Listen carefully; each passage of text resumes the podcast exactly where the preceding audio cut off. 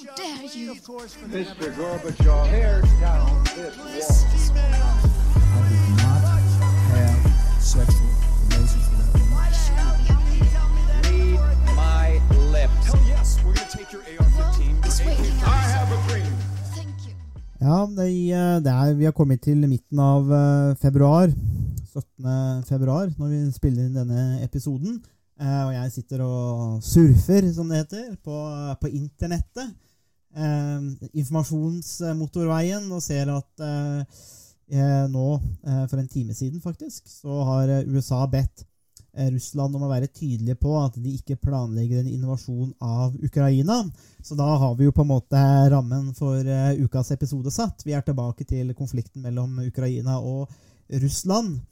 Det er jo mye å snakke om, om her, og vi starta jo for et par uker siden med en episode om en slags realistisk eh, analyse. Den såkalte realismen, da, internasjonale realismen, eh, og så litt på hvordan det eh, spilte inn her, eh, og hva, hva, hva den teorien da kunne fortelle oss, kanskje, om motiver og, og for, for konflikten, og litt hvordan den ville fungere. da. Det er jo jobben til, til teorier, er jo nettopp å forsøke å være en slags forklaring eh, på disse tingene.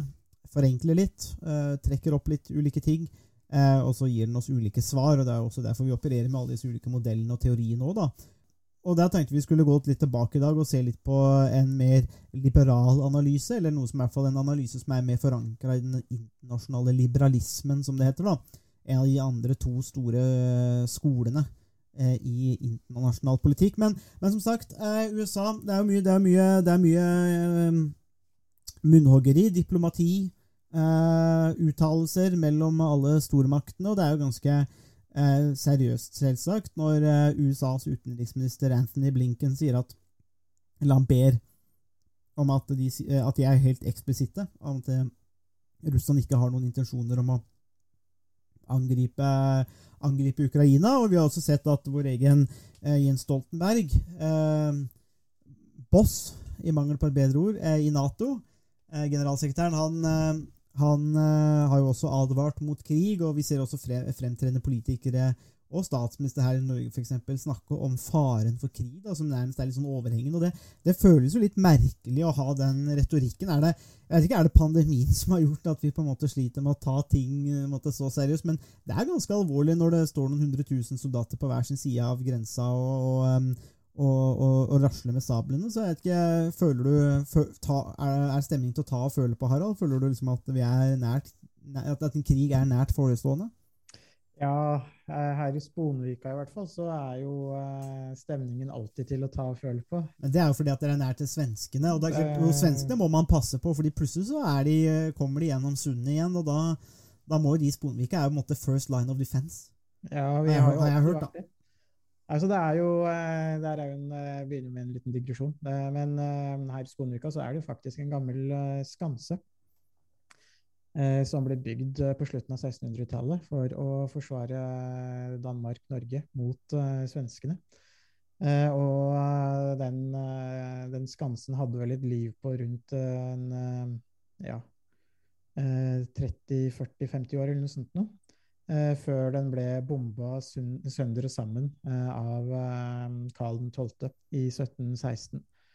Og, det, så- og karma var jo da at han døde jo i, i Halden.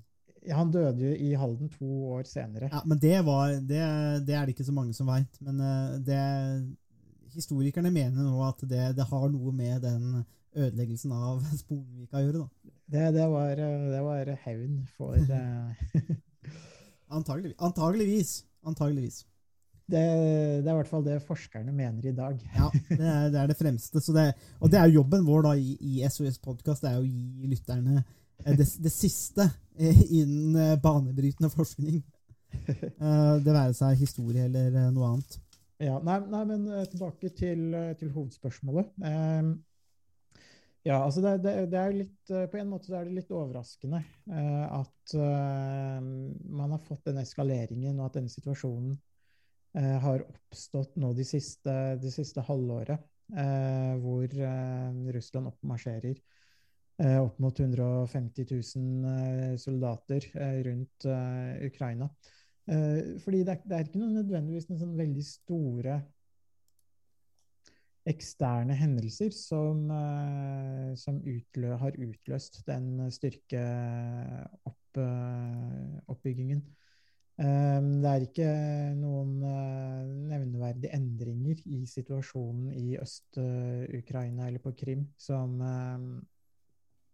som har utløst Eller at det er noen sånn direkte foranledning. Så, så, det gjør at det er litt Man kan stille spørsmålstegn ved om hva er det som, uh, som skjer.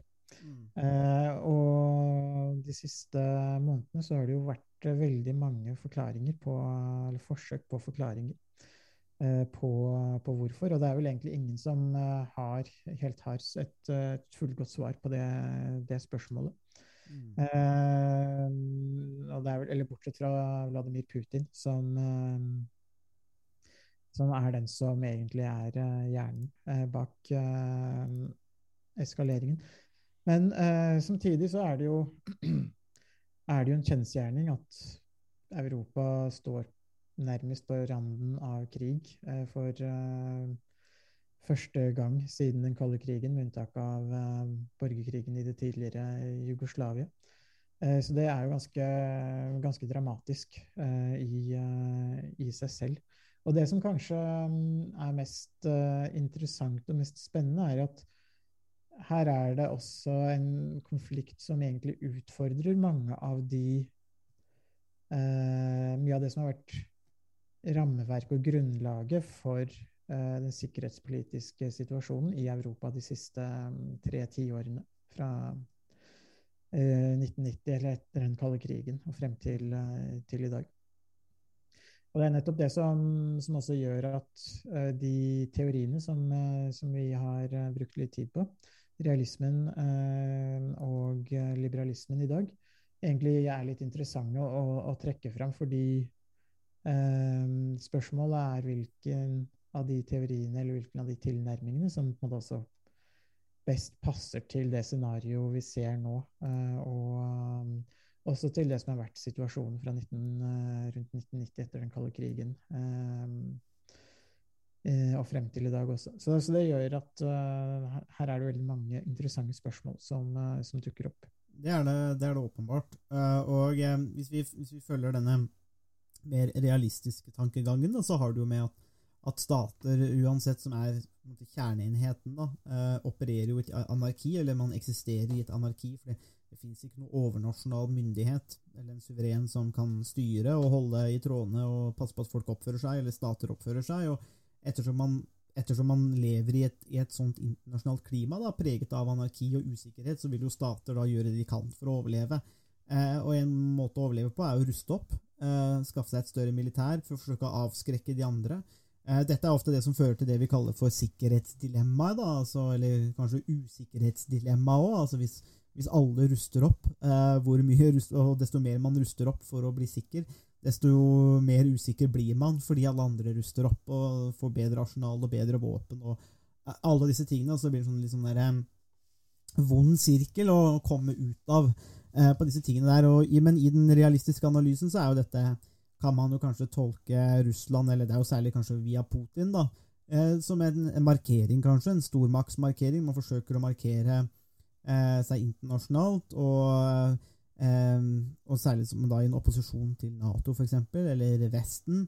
Um, og at dette er en måte å kanskje sikre seg selv på. Da. Og det har vi jo sett at eh, det har kommet uttalelser f.eks. Fra, fra Putin, hvor han har sagt at, eh, at eh, Vestens eh, tilnærming overfor Ukraina, eller kanskje også Ukrainas mer velvillige holdning overfor Vesten, eh, har pressa Russland til en grense som de ikke kan krysse. da, Og at de rett og slett må si stopp. De føler rett og slett at Vesten eller Nato kommer for nærme dem. da, eh, Og på en måte eh, rammer de inn eh, og, og, og, og, går inn i, det, i deres gamle eh, innflytelsessfære. da. Og det, det, er jo det, noe av det den realistiske analysen vil se på, eh, og som vi kan måte bygge ut fra. Eh, det som er interessant da, i det vi skal se på i dag, det er jo den internasjonale liberalismen.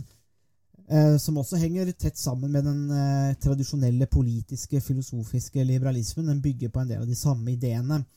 Men i liberalismen så tar man jo også staten som enhet, og det, bruker det som utgangspunkt som analyseenhet. Og at man også opererer i et slags anarki. Eh, men løsningene i, liberalismen er annerledes enn i realismen, eh, hvor man har denne styrkeoppbyggingen og usikkerhetsdilemma eh, osv. Men bare da, før vi bare går inn og ser litt på disse løsningene og det som skiller liberalismen der jeg, jeg, sa jo at de deler samme utgangspunkt langt på vei, som realismen, altså stat, staten som enhet og sånn. Eh, analyseenhet og den viktigste enheten, og det er utgangspunktet. Men, det, men eh, før vi da måtte drar dette videre, Harald, kan ikke du ta oss gjennom en, en rask oppsummering av måtte, hva er det som egentlig kjennetegner denne liberalismen? Ja.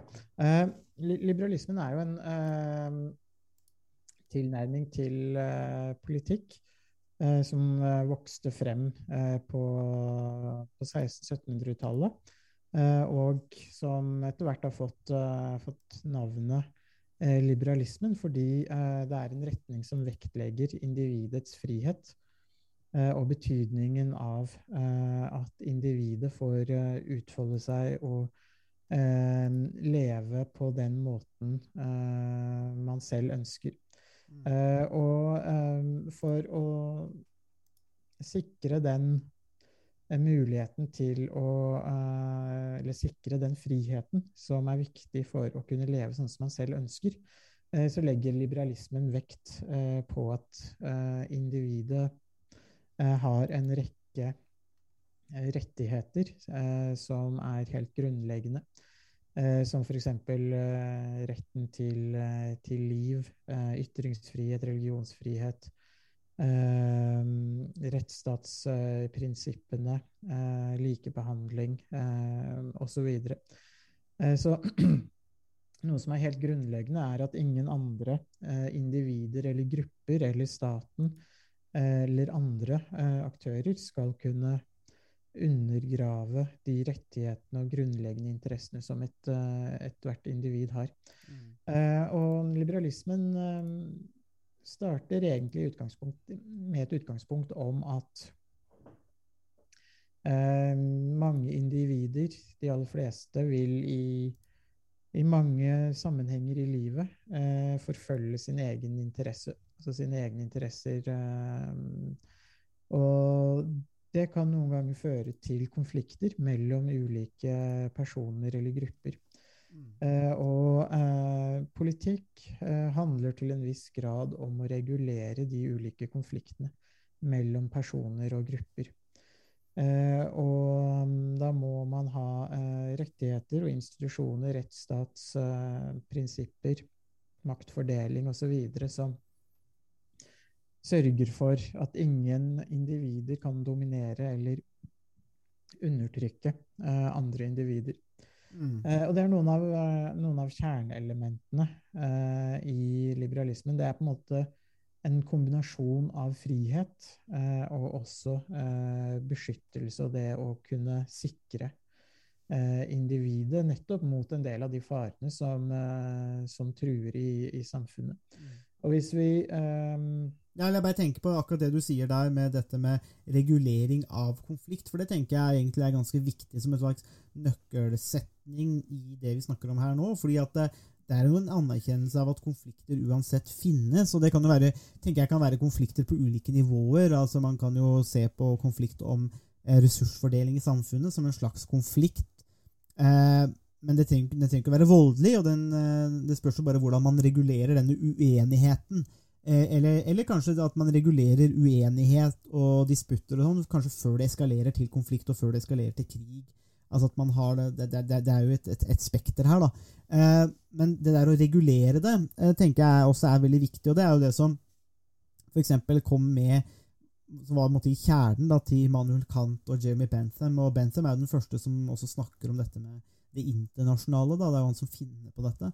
Eh, og Jeremy Bentham, som også da var uh, en utilitarist, den første som kanskje virkelig formulerte det, i hvert fall i mer moderne termer. Uh, og også en av læremesterne til John Stuart Mill, som interessant nok for lytterne våre Harald måtte få opp mikrofonen sin litt, så han proppa opp mikrofonen med On Liberty av, av, av John Stuart Mill. Så det er en, det er en kobling, eh, kobling der, og du slo vel fast at eh, mikrofonen står på et godt filosofisk grunnlag. Det, det ser vi, det, og det hører vi, Harald. Det hører vi. Ja, det er litt ekstra tyngde i uh, argumentene mine i dag enn det det Det er- bruker å være. Det er, det er, litt, det er litt, litt mer eh, artikulert, eh, og med litt mer tyngde og litt pondus. Jeg kjenner det. Så det, det, kan hende at det er det som er veien å gå her. Men eh, selv for, de, altså for disse og de mer klassiske liberale tenkerne også, så var det nettopp dette med å eh, formulere og utlede planer da, for hvordan det barbariske anarkiet mellom stater kunne temmes. Men, og da handler det altså om hvordan vi kan styre eh, saker, eller regulere saker som omhandler krig og fred, og det er jo på en måte der vi er. Og, eh, så, vi, har- så vi har det samme utgangspunktet, eh, egentlig, eh, som i realismen, men det er jo et helt annet syn i liberalismen på eh, menneskelig, me, menneskers fornuft, menneske, eh, menneskers evne til å samarbeide, eh, progresjon, eh, og særlig dette med samarbeid er jo kjernen i liberalismen. Altså dette med Ja, hele tida. Altså, vi liker å samarbeide, vi gjør ting sammen. Eh, vi kan trekke det kanskje til den type Adam Smith òg, altså dette at vi handler sammen og at det er gjensidig nytte.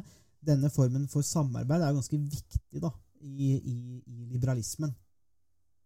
Um, det, så det kan vi da trekke inn i, inn, i, inn i hvordan man forsøker å løse disse konfliktene kanskje da, på den internasjonale arenaen.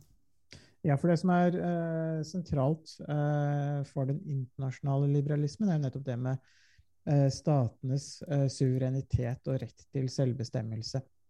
Eh, så eh, hver enkelt stat er suveren innenfor de geografiske grensene staten består av. Innenfor de grensene så er det ingen andre stater som har som skal ha mulighet til å bestemme eller eh, eh, styre hvordan politikken skal utformes. Og det innebærer også at enhver stat eh, har eh, selv eh, mulighet til å velge hva slags politiske allianser og eh, hvilke andre stater eh, som, eh, som landet ønsker å samarbeide med. Og det er litt på samme måte som i den uh, tradisjonelle liberalismen, som omhandler på en måte individets interesser. Og så har også statene en slags interesse av selvbestemmelse og suverenitet, uh, og hvor uh, hver enkelt stat har den samme friheten, uavhengig av hvor store eller små statene er. Så Eh, Kina, som er verdens eh, største land eh, når det gjelder folketall og en voksende eh, økonomisk og militær makt, har i prinsippet ikke noe mer eh, noen flere rettigheter eller større suverenitet enn det eh, f.eks. Eh, nabolandet Vietnam eller Mongolia har, som er to relativt små land eh, og relativt svake, svake land, men alle har de samme, eh, samme retten til selvbestemmelse og suverenitet over sitt eget territorium. Eh, og det som skiller realismen og den internasjonale liberalismen, er at ut, mange av premissene er, er de samme.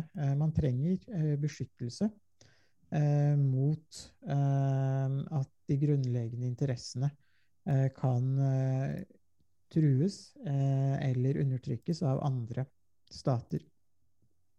Man bytter ut individer med, med stater.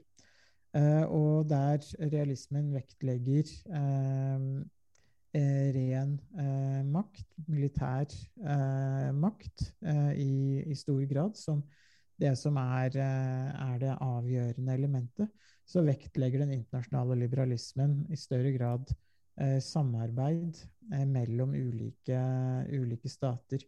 Og gjennom samarbeid så kan man finne eh, løsninger som alle tjener på, eller som gjør at alle får en bedre situasjon, altså såkalte vinn-vinn-situasjoner. Og gjensidig nytte, som, som du også var inne på, på Sondre, hvor man finner løsninger som alle, alle tjener på. Og det, den type løsninger kan man finne gjennom eh, handel, felles lovverk, eh, konfliktløsningsmekanismer, eh, internasjonale institusjoner og organisasjoner. eh, det som noen ganger også kalles for regimer, internasjonale regimer. Og gjennom alle disse mekanismene eh, så kan man regulere eh, konflikter.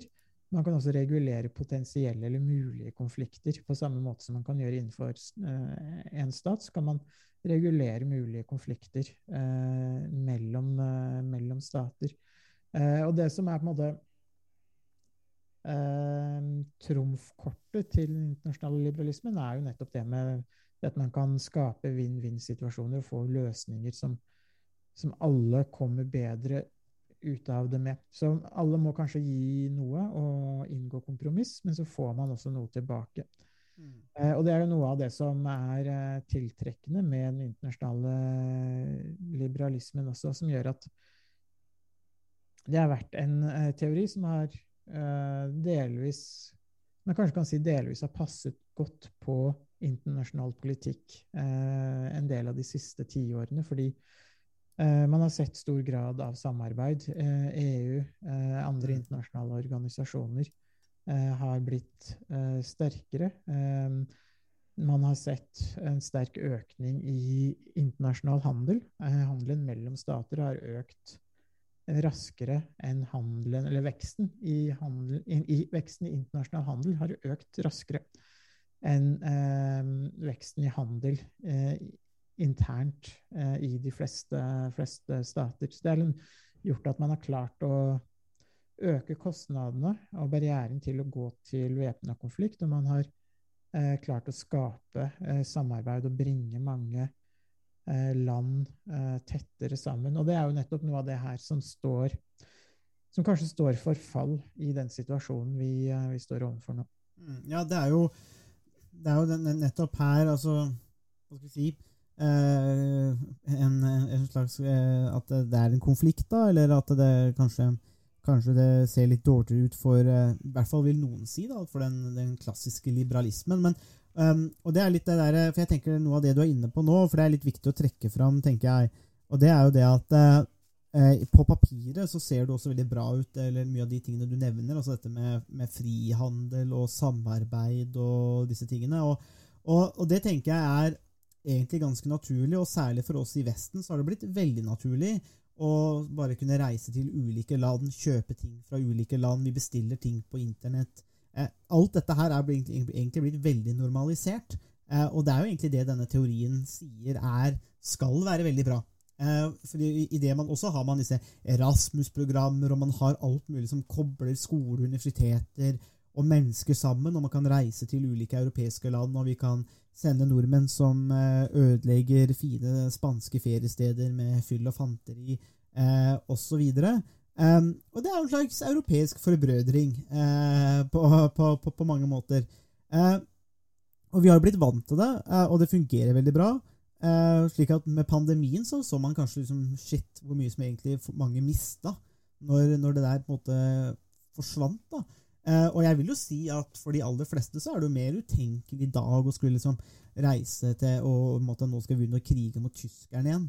Eh, eller vice versa, rett og slett fordi at eh, mange, mange har jo gode tyske venner. Det er mye, mye, mye nærmere enn det det var for på 30-tallet. da. Det er mye enklere å Eller nå har folk eh, flest, for å bruke det begrepet, eh, mye mer kobling med andre land, erfaringer med andre land. Jeg tror det er vanskeligere å få vanlige folk for å si det på den måten, til å kjøpe propaganda eller eh, retorikk for å gå til krig mot andre land. Altså, For folk flest er jo det uinteressant. Eh, og jeg tror det at frihandel eh, og, eller frie grenser, altså det at man kan reise til ulike land og få de der kulturelle utvekslingene, beviser på mange måter, eller underbygger på mange måter liberalismens argumenter om at frihandel og samarbeid er noe folk vil ha. fordi at det, det er mye diggere å bare kunne reise til andre land og besøke og gå på konserter eller henge på stranda i varmere klima og spille golf og alle disse gode tingene, enn å på en måte skulle ha dette konfliktforholdet. da, og Desto mer du har samarbeid med folk, desto nærmere blir de relasjonene. Så der, akkurat der tenker jeg jo at liberalismen har rett. Eh, eller har et veldig sterkt poeng, da. Men eh, hvis Norge okkuperte Spania, Ja, så kunne vi jo fått hele landet for oss selv. det kunne vi jo. Og vi hadde sluppet å dele det med de forferdelige spanjolene. Mm. Eh, For ikke å snakke om tyskerne, som eh, legger håndklærne sine på um, solsengene før klokka syv eh, på morgenen, så de liksom skal ha det hele dagen, som ja. klisjeen sier. Men ja, altså, det liksom, det du er inne på nå, er liksom alle de mye av det vi tar som en selvfølge i dag. eh, alle de mulighetene man har til, eh, til å reise. Og det er, ikke, det er jo ikke akkurat det at vi liksom nødvendigvis alltid reiser til alle de ulike landene vi kan reise til. Men eh, det, er liksom, det, er, det er en helt fjern eh, tanke eh, at man skal eh, At man ikke skal ha muligheten til det. Mm. Eh, og at man skal se på eh, tyskere eller polakker eller russere eller For ikke å snakke om svensker eh, som fiender. Det er på en måte en helt uaktuell, uaktuell tankegang. Og det er også det som er litt spesielt eh, i Ukraina, sit, eh, situasjonen i Ukraina også. fordi Ukraina og Russland er jo litt som Norge og Sverige, i den forstand at det er eh, et sterkt språkfellesskap. Uh, I den forstand at de, det er veldig mange uh, russisktalende uh, i, i Ukraina, og det er mange som har familie og venner på begge sider av, av grensene. Og det har også vært veldig mye handel mellom de to, to landene etter den kalde krigen. Eh, eh, en- endte, i, eh, endte også. Så, så sånn sett så, så er det veldig det, det, det som er veldig rart, er hvorfor man ønsker å gå fra et vennskapsforhold til et konfliktforhold, når man egentlig har et veldig sterkt grunnlag å bygge videre på gjennom et, gjennom et kulturelt, religiøst, økonomisk eh, fellesskap som man har hatt over flere, flere hundre år. Og det er nettopp det som, eh, som er litt spesielt i, eh, i denne situasjonen. Eh, For man skulle egentlig tenke at gjennom samarbeid så ville man kunne komme mye lengre enn det man gjør eh, med å stille 150 000 soldater eh, ved, ved grensa. Så er jo spørsmålet, så er spørsmålet hvem som taper og hvem som vinner på det. ikke sant? Og Det er kanskje det er forskjellen mellom et fungerende demokrati kanskje, og et eh, autoritært styre, slik vi ser i Russland, er kanskje en forskjell. Men altså, jeg tenker jo, det vil jo man, man kan vel kanskje se at det er, vel, det er svært mange vanlige russere som ville tjent, og ukrainere som ville tjent veldig godt på et åpnere forhold, mer handel, mer samarbeid. Spørsmålet er om oligarken og Putin og de som sitter med makta, tjener på det. Eh, Antagelig så gjør du ikke det. Eh, for det er andre, andre grep som tas her. Og, og, og et, et, eh, et, eh, en, en mulig årsak her, eh, i hvert fall en variabel, er jo nettopp dette med Russland går jo egentlig ikke så fantastisk bra for tiden. Det har ikke gjort det på mange år, egentlig. og, Da kan man jo lure er dette også en form for distraksjon eh, fra hjemlige forhold. Eh, trekke oppmerksomheten ut mot en ytre fiende. Dette er jo et gammelt triks. Eh, kjent, det. Det er jo ikke noe, ikke noe som er bedre enn å skylde på en ytre fiende. Eh, og si at de er, de er onde og fæle og alt dette her, og så trekker man på en måte fokuset vekk fra de tingene som man, ikke, som man gjør dårlig sjøl. Og det, det tror jeg vel kanskje i hvert fall tenker jeg at eh, Putin er en kandidat der, eh, og at han vil også tjene på å trekke oppmerksomheten mot Vesten. Men når det er sagt, så la oss eh, bare si at eh, selv om vi snakker om disse liberale ideene, og det virker veldig eh, fint og ordentlig, så betyr ikke det at det nødvendigvis utvides til andre. Vi må også huske på at mange av de som er i den såkalte liberale sfæren, de vestlige landene, er jo også høyt utviklede land, som også har sittet med mye makt og ressurser i mange hundre år, og har også en privilegert posisjon. Eh, slik at eh, Liberalismen er jo ikke noe gospel som kommer ned og er godt for alle. altså unødvendigvis. Det er, det er mulig å føle at dette er true nå, eh, på, på mange måter. Og det er jo mange eksempel, i ulike deler av verden som sier at denne liberalismen den, den virker veldig fin, men den kommer egentlig med en del om ikke med, om ikke med trusler om våpen, så er det ganske sterke eksempel økonomiske sanksjoner eller pålegg om å innføre en økonomisk politikk som de kanskje ikke er klare for eller vil ha, men som de føler har blitt tvunget over de. Da.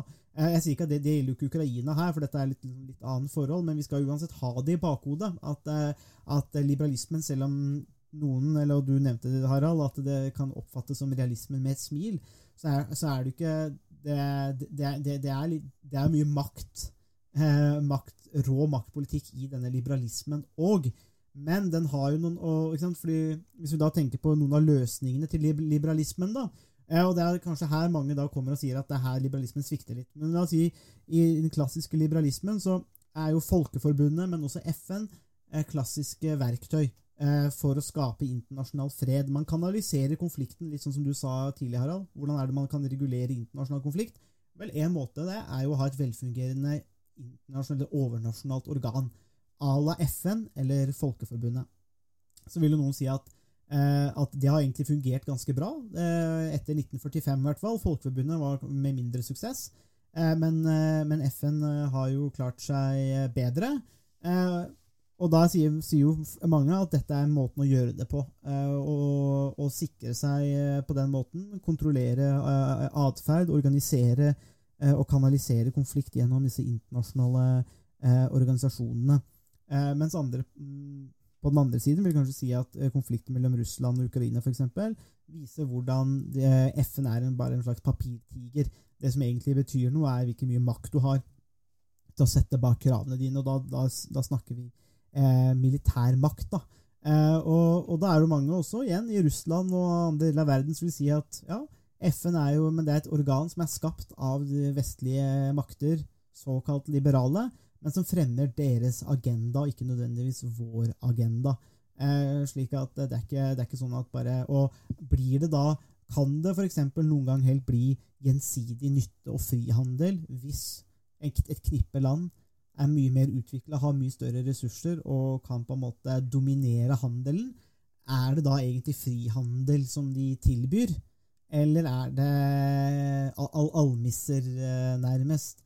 Eh, vil, vil jeg tro det er en del land som føler på, f.eks. når EU kommer og snakker om frihandel og innad i EU, men kan sette opp ganske store tollbarrierer eh, til eh, land i den tredje verden, eller globale sør, eller hva, hvordan du vil kalle det, utviklingsland. Og da blir det jo ikke, egentlig ikke frihandel lenger. Så det, det er jo ikke, det er ikke udelt eh, altså Det er jo ikke så cut and dry og enkelt heller, akkurat det der poenget her, da. Eh, Helt riktig. Og det eh, Man kan også si at liberalisme og realisme som to tilnærminger til internasjonal politikk ikke nødvendigvis eh, er helt gjensidig utelukkende som teorier og sko, sko, måte, te, som teoretiske skoleretninger. Eh, så er de i og for seg gjensidig ut, utelukkende sånn rent analytisk eh, til en viss grad. Eh, Men i praktisk politikk så kan man se elementer av begge, begge deler. Og man kan også si at i forskjellige historiske perioder så er kanskje den ene teorien sterkere enn Eller er- har en sterkere forklaringskraft eh, enn den andre. Eh, og hvis man sier at liberalismen kanskje har vært en eh, sterk drivkraft de siste 30 årene, så ser man jo også nå i eh, Ukraina-konflikten at Russland snakker ikke med ukrainske politikere i noe særlig grad. De snakker heller ikke eh, så veldig mye med europeiske politikere, eller de tar det i hvert fall ikke seriøst. De inviterer eh, alle de ledende politikerne i eh, Europa. Eh, de får komme eh, på audiens eh, hos Vladimir Putin og sitte ved et seks meter langt bord. Eh, og så De tar koronaavstanden seriøst da, vet du, i Russland. Ja, eh, i motsetning til Norge, hvor vi har uh, oppheva alle koronarestriksjoner. Eh, men de sitter da ved hver sin ende av et langt bord eh, og diskuterer og forhandler. Og så eh, går de ut eh, og holder en pressekonferanse hvor Vladimir Putin, Vladimir Putin og Sergej Lavrov, utenriksministeren, latterliggjør og ydmyker eh, de eh, gjestene som de, eh, som de har. Noe som er ganske, ganske overraskende. Eh, Den eneste eh, parten, eh, den eneste motparten som eh, Russland eh, tar seriøst, er USA. Fordi det er USA som i stor grad har eh, en militær kapasitet. Eh, eh, og også den eneste i Europa som har en eh, stor militær kapasitet eh, gjennom baser i mange europeiske land, bl.a. Polen og andre østeuropeiske land. Eh, så det man ser, er jo kanskje kontur, konturene til en ny sikkerhetspolitisk eh, situasjon eh, i, eh, i, Europa, noe som eh, generalsekretær i Nato Jens Stoltenberg var inne på for et par dager siden. Eh, at nå står vi overfor en helt annen politisk sikkerhetssituasjon i, i Europa. Mm. Um, og at vi kanskje nå ser konturene til at liberalismen uh, står noe svakere som en forklaringsmodell på de, eh, den utviklingen som vi har sett eh, de siste månedene. Ja, for, Man kan ja. kanskje også si tilbake til 2014, da, mm. Da Krim ble eh, annektert, eh, og man fikk de to utbryterrepublikkene i eh, Donbas-regionen øst i Ukraina. Ja, for det er, det er jo det her som er interessant, nettopp det du sier, dette med forklaringskraften. Og da, og da er spørsmålet måte, hvor stor forklaringskraft har liberalismen ved å forklare på en måte eh, Putin eller Russlands atferd. Eh, I realismen så er det egentlig ganske rett fram egentlig, når det kommer til akkurat denne analysen her. for det man, man, kan basere seg på disse enkle prinsippene om at eh, stater ønsker å overleve i et anarki, og de kommer til å ta rasjonelle valg som sikrer dem selv, altså staten, eh, og det å rasle med sablene prøve å få, tak, eh, få løsninger eller eh, å få konsesjoner, altså ting fra, fra eh, Vesten eller andre land, bruke sin makt overfor, overfor Ukraina, det er, det er, på en måte okay, det er det man ønsker å oppnå. så er spørsmålet hva klarer liberalismen å si her? Og, og, Den har jo det samme utgangspunktet, men den har kanskje ikke den, helt den samme forklaringskraften. for hvis hvis den skulle på en måte hatt, hatt mer rett, da, i anførselstegn, så skulle vi jo kanskje hatt sterkere internasjonale organisasjoner som kunne regulert disse konfliktene. Men det kan jo hende vi har det, at det løses gjennom Det løses jo f.eks. Eh, kanskje også gjennom diplomati, og det er jo også en viktig faktor sagt, i, i, i, liberalismen, dette diplomatiet. Men det kan jo hende at det er noe der, og, og jeg tenker kanskje dette med, med liberalismens eh, litt eh, tvilsomme forklaringskraft, kanskje, eh, i det tilfellet her, kan vi også kanskje koble det sammen med at vi ser på et, global, eh, på et globalt nivå, så ser vi også at liberale tanker og ideer er litt på tilbakemarsj, egentlig. Litt på retrett sammen med demokratiet. Altså det, er, det er inne i en litt sånn dalende periode nå. Det er, litt, det er, litt, det er ikke den samme iveren etter det som da Fukuyama erklærte at eh, historien var over, og at liberalismen og kapitalismen langt på vei hadde vunnet. Disse er jo kanskje blitt sett på som to sider av én sak òg. Men, men, men, kan det kobles sammen, tror du, Harald? Altså dette med at uh, mange, og kanskje i Vesten, har egentlig tatt det kanskje litt for gitt, denne liberalisme slash kapitalisme slash demokrati, og så ser man at uh, det er på tilbake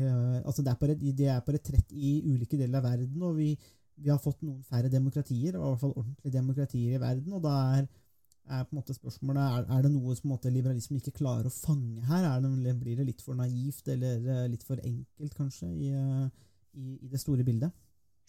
Jeg, jeg, tror ikke det nødvendigvis blir for naivt eller litt for enkelt. Det, det som er situasjonen i verden i dag, er kanskje mer at uh, Problemet med liberalismen er at det krever liberalisme all the way down.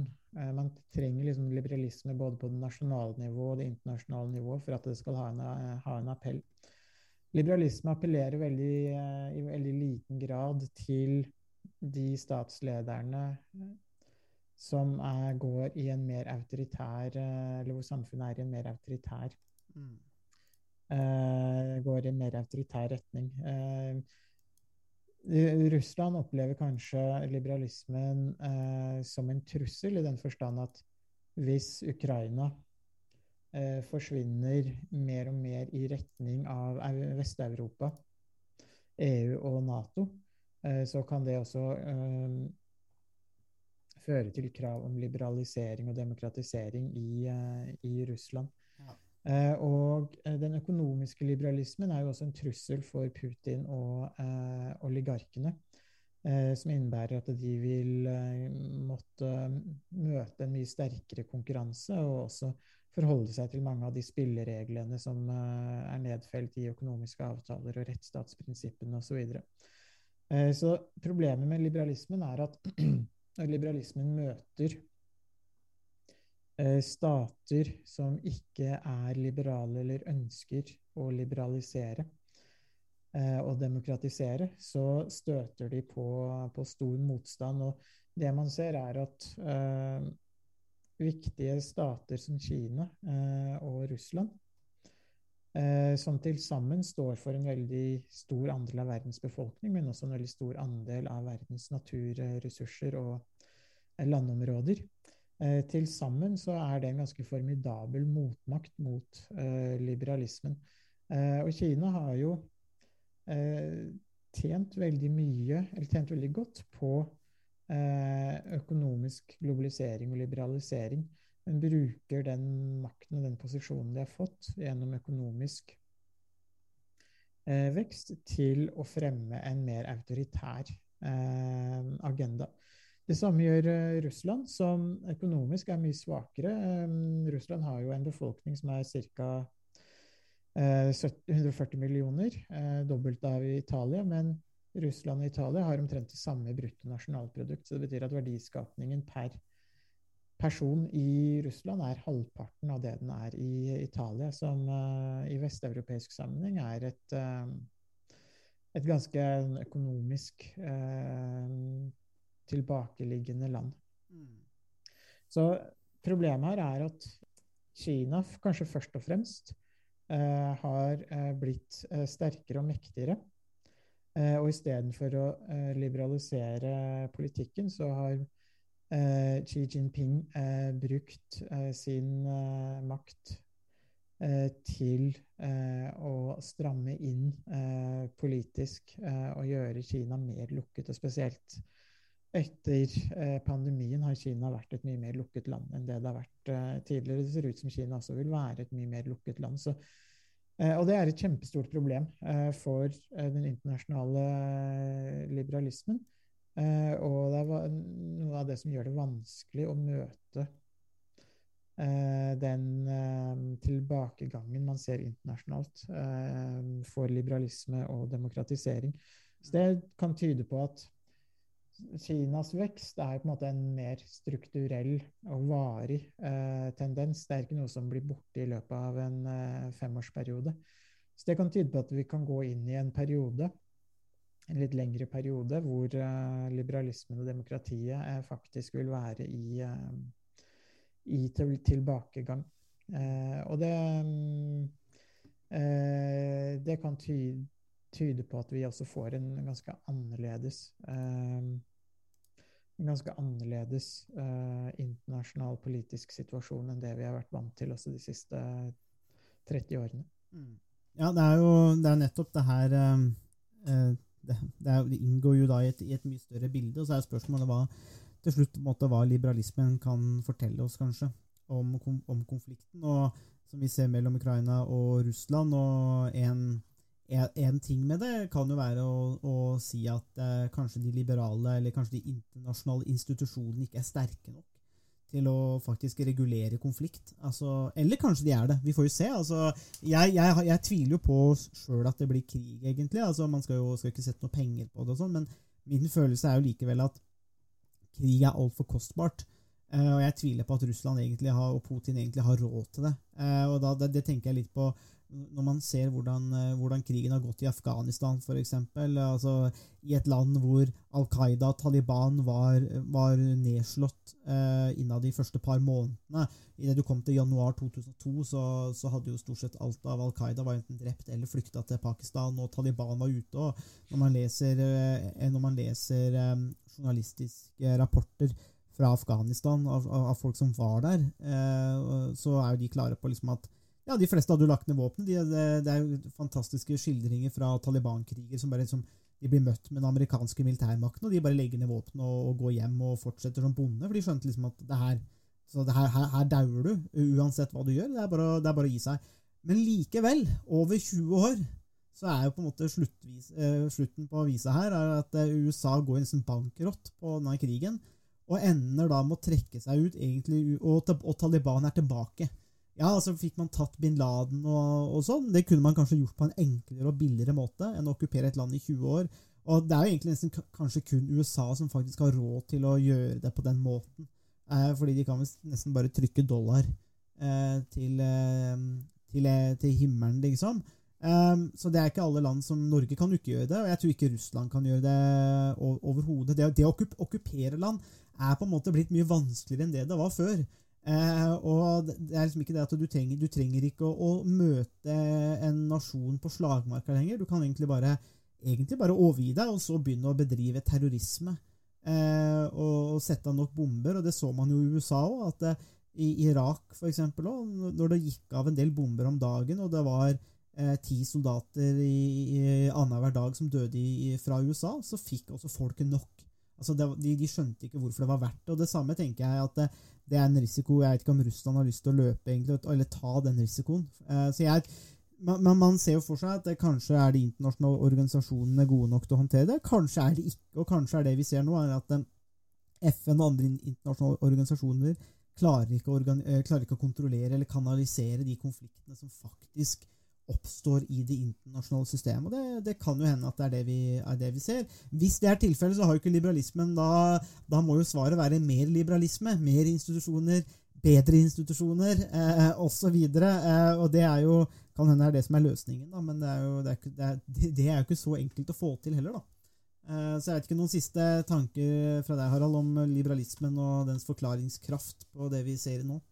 Eh, Ja, så jeg synes det, um, jeg vil gå litt tilbake til det du sa um, nettopp om eh, kostnaden ved å okkupere og invadere eh, andre stater som har blitt mye høyere. Og det er kanskje det som er den store seieren til liberalismen. Kostnadene er veldig, veldig mye større i dag, og det er kanskje en det er kanskje en varig og en endelig seier til, til liberalismen. Eh, fordi det å invadere eh, andre land, eh, kolonisere andre land og okkupere andre land, det er, er dødfødt. Selv verdens rikeste og mektigste land eh, går på smell etter smell eh, når de har prøvd det de siste 20 årene. Og det er også noe av det som, som gjør en, kanskje en, en full invasjon av Ukraina eh, urealistisk. Eh, men samtidig så si, har, har jo eh, Russland i dag, nå i ettermiddag, sagt at de, de vil eh, eh, At de er misfornøyd med svarene som, eh, som USA har gitt eh, på de, eh, det brevet som, eh, som Russland sendte eh, til USA eh, i desember. Og at de nå, de nå vurderer å benytte seg av såkalte militærtekniske midler, som de har formulert det. Ja. Og det innebærer jo eh, at eh, militærmakt ikke er eh, uaktuelt å bruke i eh, dagens situasjon, men at eh, det kanskje er snakk om mer begrenset bruk av eh, militærmakt enn det vi har sett, eh, sett tidligere. Og det er kanskje noe vi skal være glad for. En begrensa krig er jo bedre enn en, eh, en, en full krig, eh, om, om ikke annet, selv om det ikke nødvendigvis føles sånn for de som blir berørt. eh, nødvendigvis.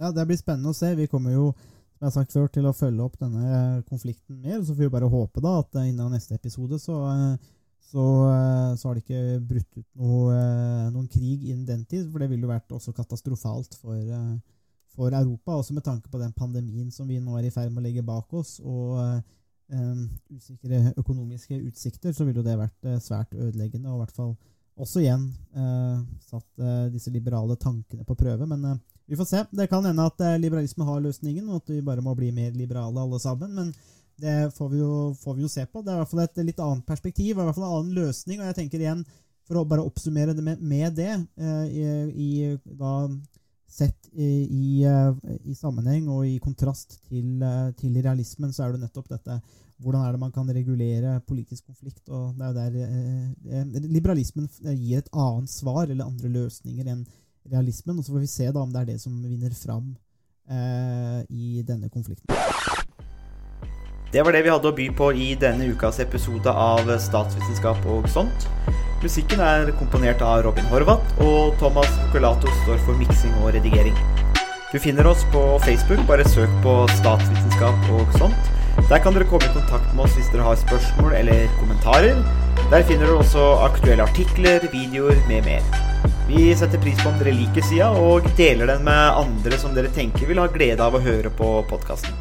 Vi høres!